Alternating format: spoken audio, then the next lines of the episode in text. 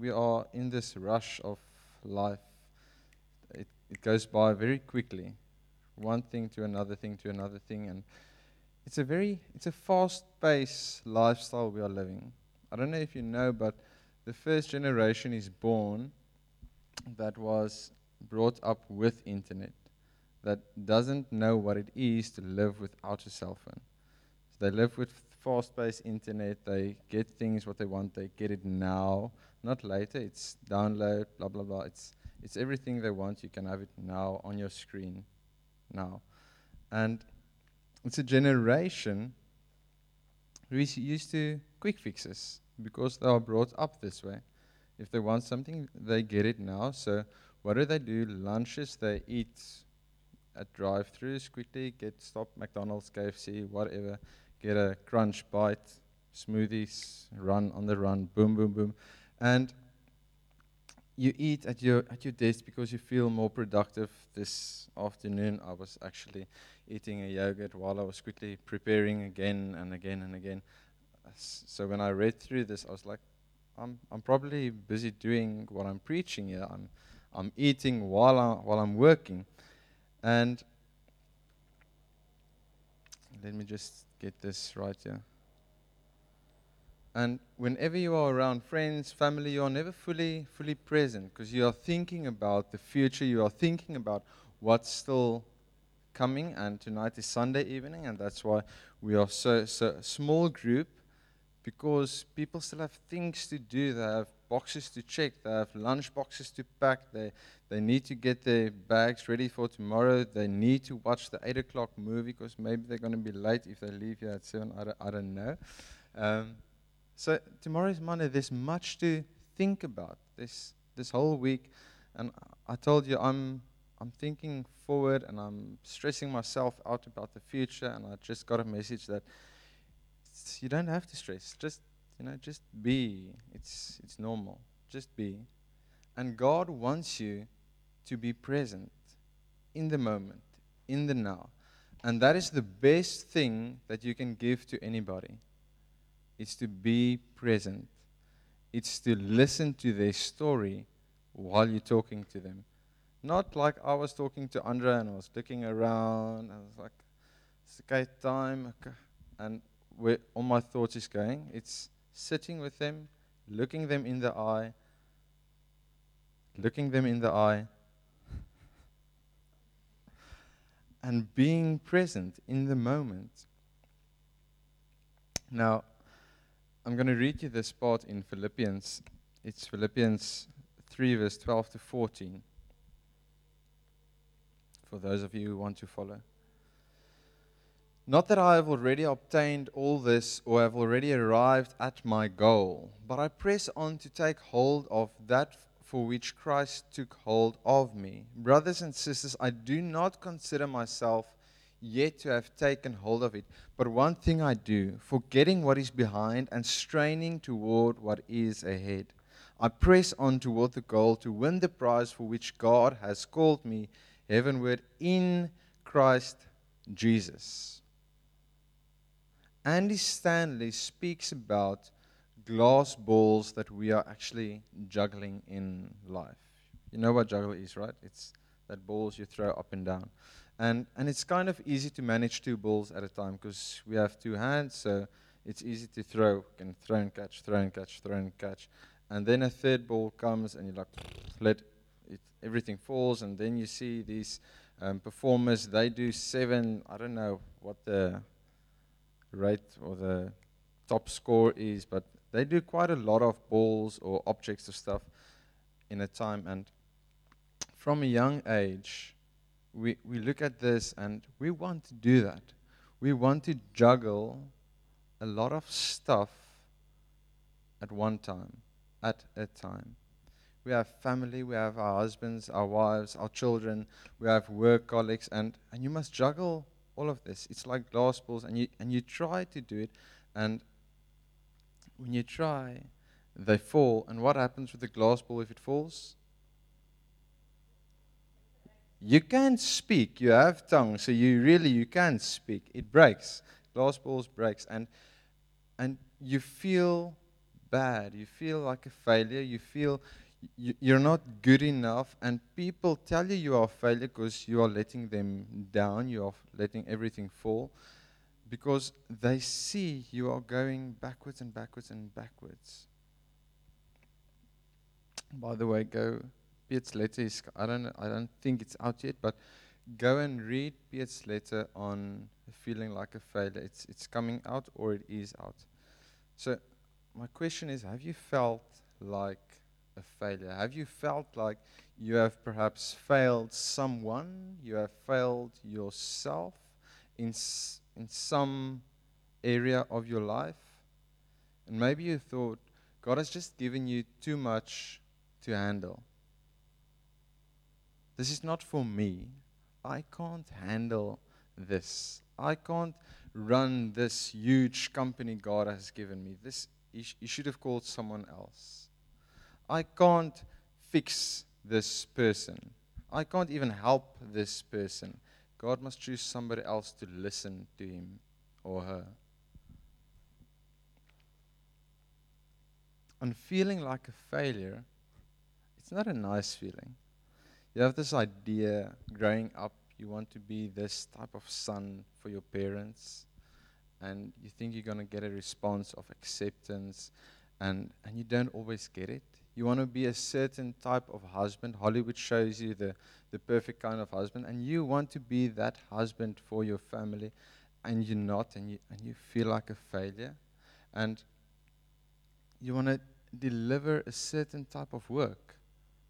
I think we all here want to deliver good work. We don't want to work at a company and just, well, some people do, but, and then you fail and you fail terribly.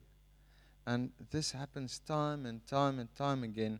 And sometimes we fall into this dark hole called, I am a failure. Because that's all you hear. You hear it from your mom, you hear it from your friends, you hear it from your colleagues, and you hear you are a failure. Your relationships never work out. Your your your work is never good enough, and and you are you used to get an F in school. Do you, did you guys get an F in school just recently? Okay, he's not going to say anything. Don't say anything. So what? You failed. So what? You failed. Your previous relationship ended badly and you did not achieve your goals you set for the year you ha- that's passed. It doesn't mean your identity is linked to failure. There isn't some kind of code built into your DNA that says failure, I am a failure. Stop clinging onto the past. We struggle, and I struggle to forget about the failures of yesterday. We cling to stuff that happened 10 years ago, 20 years ago, 30 years ago. And in this, we allow our failures to, to pull us down. And Paulus, Paulus, Paul says we have to stretch out for the things yet to come. And this week, I, I heard this statement and it, and it clicked fail fast and fail forward. So there's nothing wrong with making mistake. There's nothing wrong with, with failing. And he, the, the guy said, you should try new things. Try it every single day. Try new things. If you fail, stand up, go on, but fail fast and fail forward. Learn from your mistakes and don't let your failures pull you down. Don't let your failures define who you are. Proverbs 24, verse 16. And listen carefully for those of you who fail and think it's not normal to fail. Although the righteous fall seven times, they will arise again. Scripture says we are going to fall. It's normal to fall. It's normal to fail. We are going to fail quite often. But God is on our side and we are going to rise again. Please do yourself a favor and, and look at children this week. Not in a stalker kind of way. Don't go to primary schools and look over the gates to. When you see children in the shopping malls, just look at them. Look at them when they start walking. We have a, a two year old, she's running around now. When they, when they start walking, they, what do they do? They stand up and they just stand a bit like this, and sometimes they will give a step and, and then they fall. Do they just stay there? no.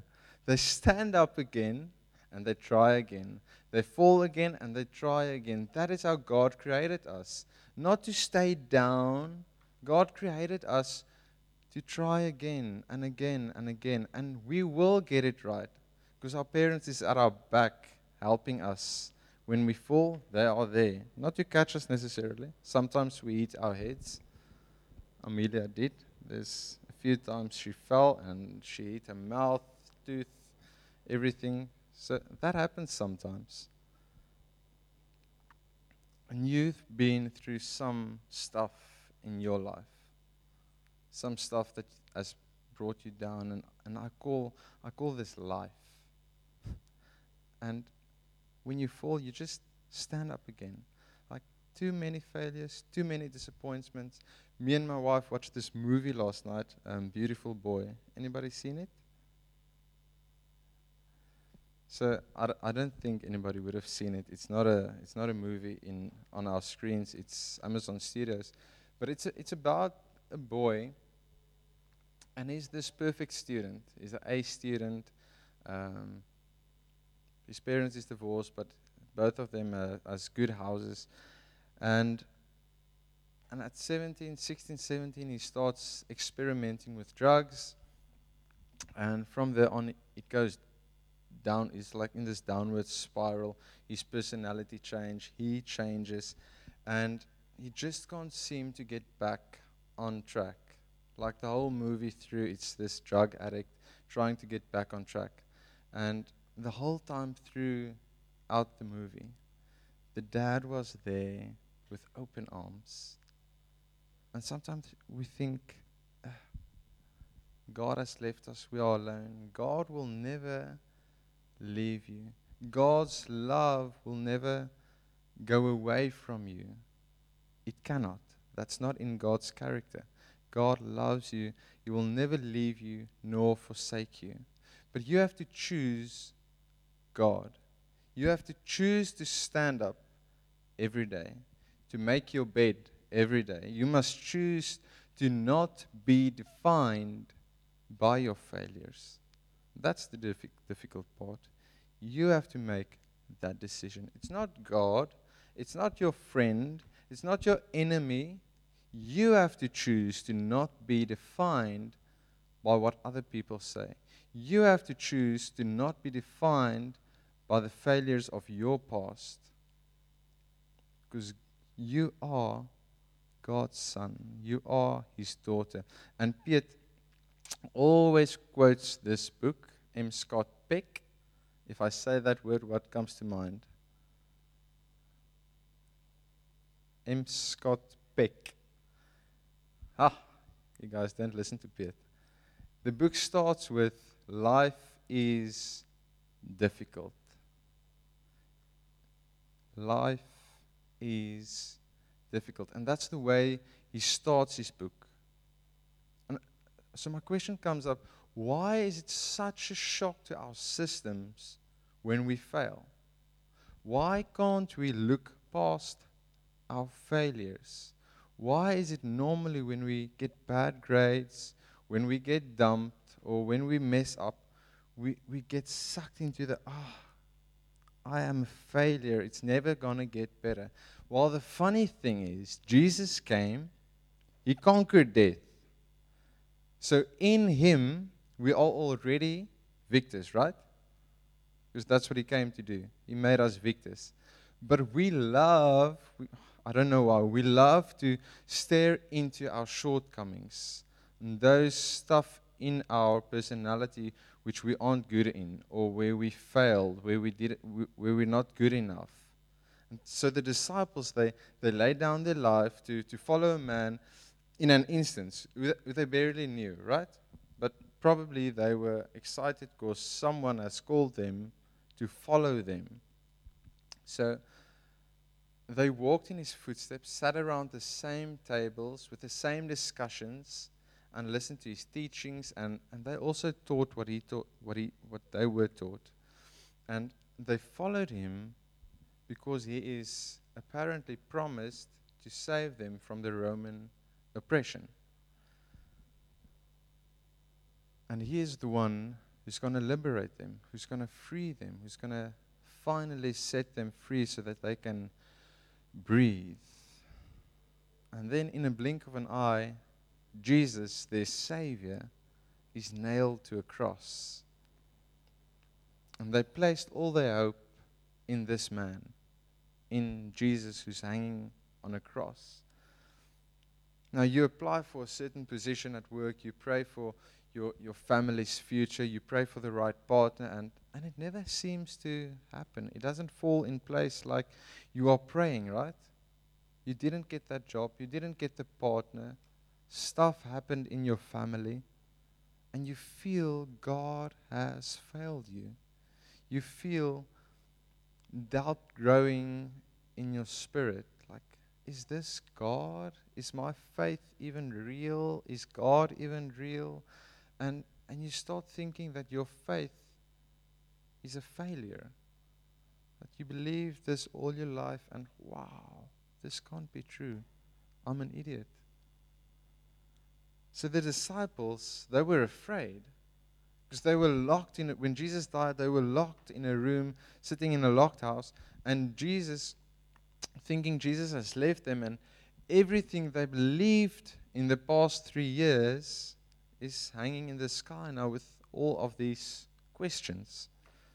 And most probably they felt like failures. And in the same moment, while saying that, I want you to, to look at Jesus at the cross. Think of what was going through his mind. While the disciples saw a failure, I think Jesus saw victory in that moment. They saw failure, Jesus saw victory.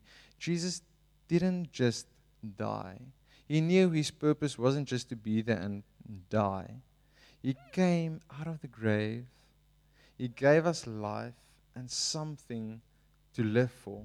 In Jesus, there is hope. In Jesus, there is life. No matter what happens in life, no matter how many times you fail, we can look to Jesus and stand up.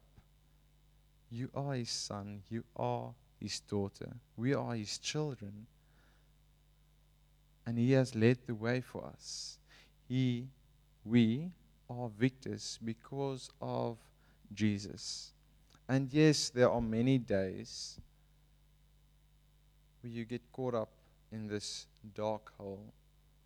But what, what do they always say? This too shall pass. So, just a little practical tip. And I want to end off with my practical tip.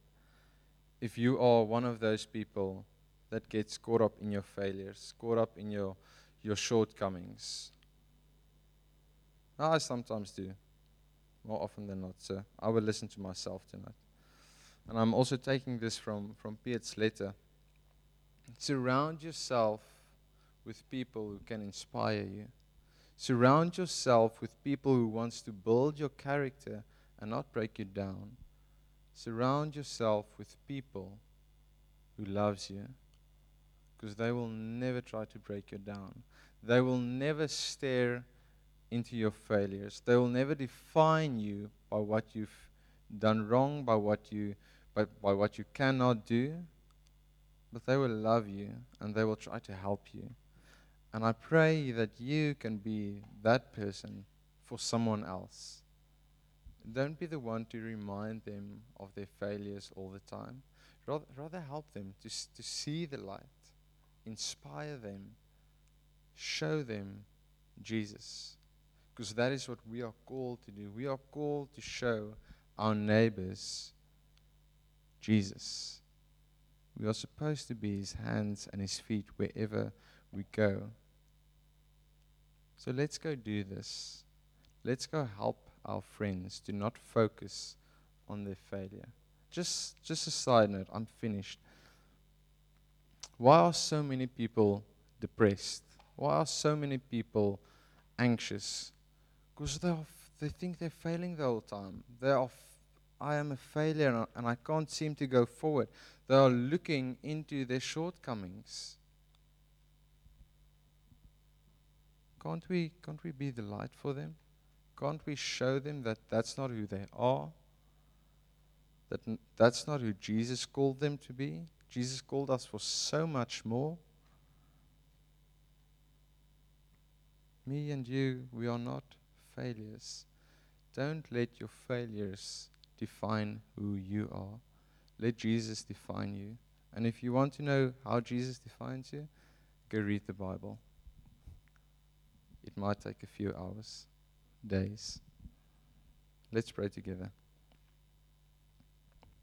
Ja Here, ek sê dankie vir vir 'n uh, aand soos vanaand waar ons net kan rustig wees, stil wees so aan die einde van 'n week. En wat ook al hierdie week gebeur het, Here, dis dis in die verlede. Here, help ons om om nie te fokus in in die verlede en die dinge wat gebeur het nie. Help ons om uit te strek na dit wat voor lê, Here, na dit wat U vir ons wil wys, wil gee, wil deur deur werk. Here ons ons verlede kan ons baie keer so vashou en neerdruk dat ons miskyk dit wat U vir ons wil doen in die toekoms dat ons miskyk dit wat U nou in die oomblik wil doen vir ons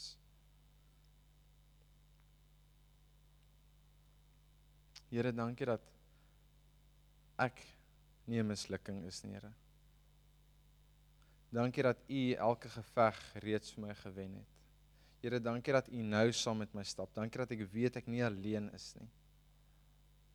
Maar Here, U hou my vas. U beskerm my en U dra my, Here. En daar waar ons val, weet ek U is saam met ons daar. U los ons nie alleen nie. U gooi ons nie vir die voëls nie. Meer help ons om elke dag soos wat ons opstaan daai keuse te maak om te kies. Ek is 'n oorwinnaar as gevolg van Christus. Ek is 'n oorwinnaar as gevolg van Christus. Ek is 'n oorwinnaar as gevolg van Christus. Help ons om so in 'n dag in te gaan, Here, en maak nie saak hoeveel keer ons val nie, dat ons terug sal val in U genade, Here. Want dis al wat dit is. Alles hierdie is genade wat ons het, Here. Ons bid dit in Jesus naam. Amen.